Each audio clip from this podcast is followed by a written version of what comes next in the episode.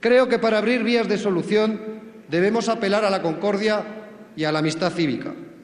Un gobernante puede acertar o no en sus decisiones políticas. Lo que no debe hacer es impulsar una política que genera división social y enfrentamiento ciudadano.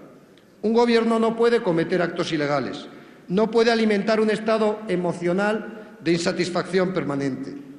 Es una irresponsabilidad decir a los ciudadanos que pueden elegir quiénes pueden seguir siendo ciudadanos y quiénes no, que pueden elegir quiénes pueden ser receptores de solidaridad, que pueden elegir con quiénes se construye el futuro en común, porque eso es reconocer el derecho a excluir y porque no llega a ninguna otra parte que a la fractura social y política, en este caso de Cataluña.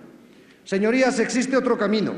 Necesita un ánimo sincero de conciliación, porque la conciliación es un principio básico para un diálogo de verdad. Necesita realismo y capacidad de empatía, pero es un camino con un destino conocido y mejor. Creo que la aventura irresponsable en la que han embarcado las instituciones de Cataluña tiene que llegar hoy a un desenlace.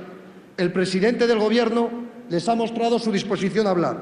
No desatiendan la oferta, no se encierren en sus obsesiones, salgan de las posiciones maximalistas y den una oportunidad a un diálogo constructivo que abra un futuro compartido.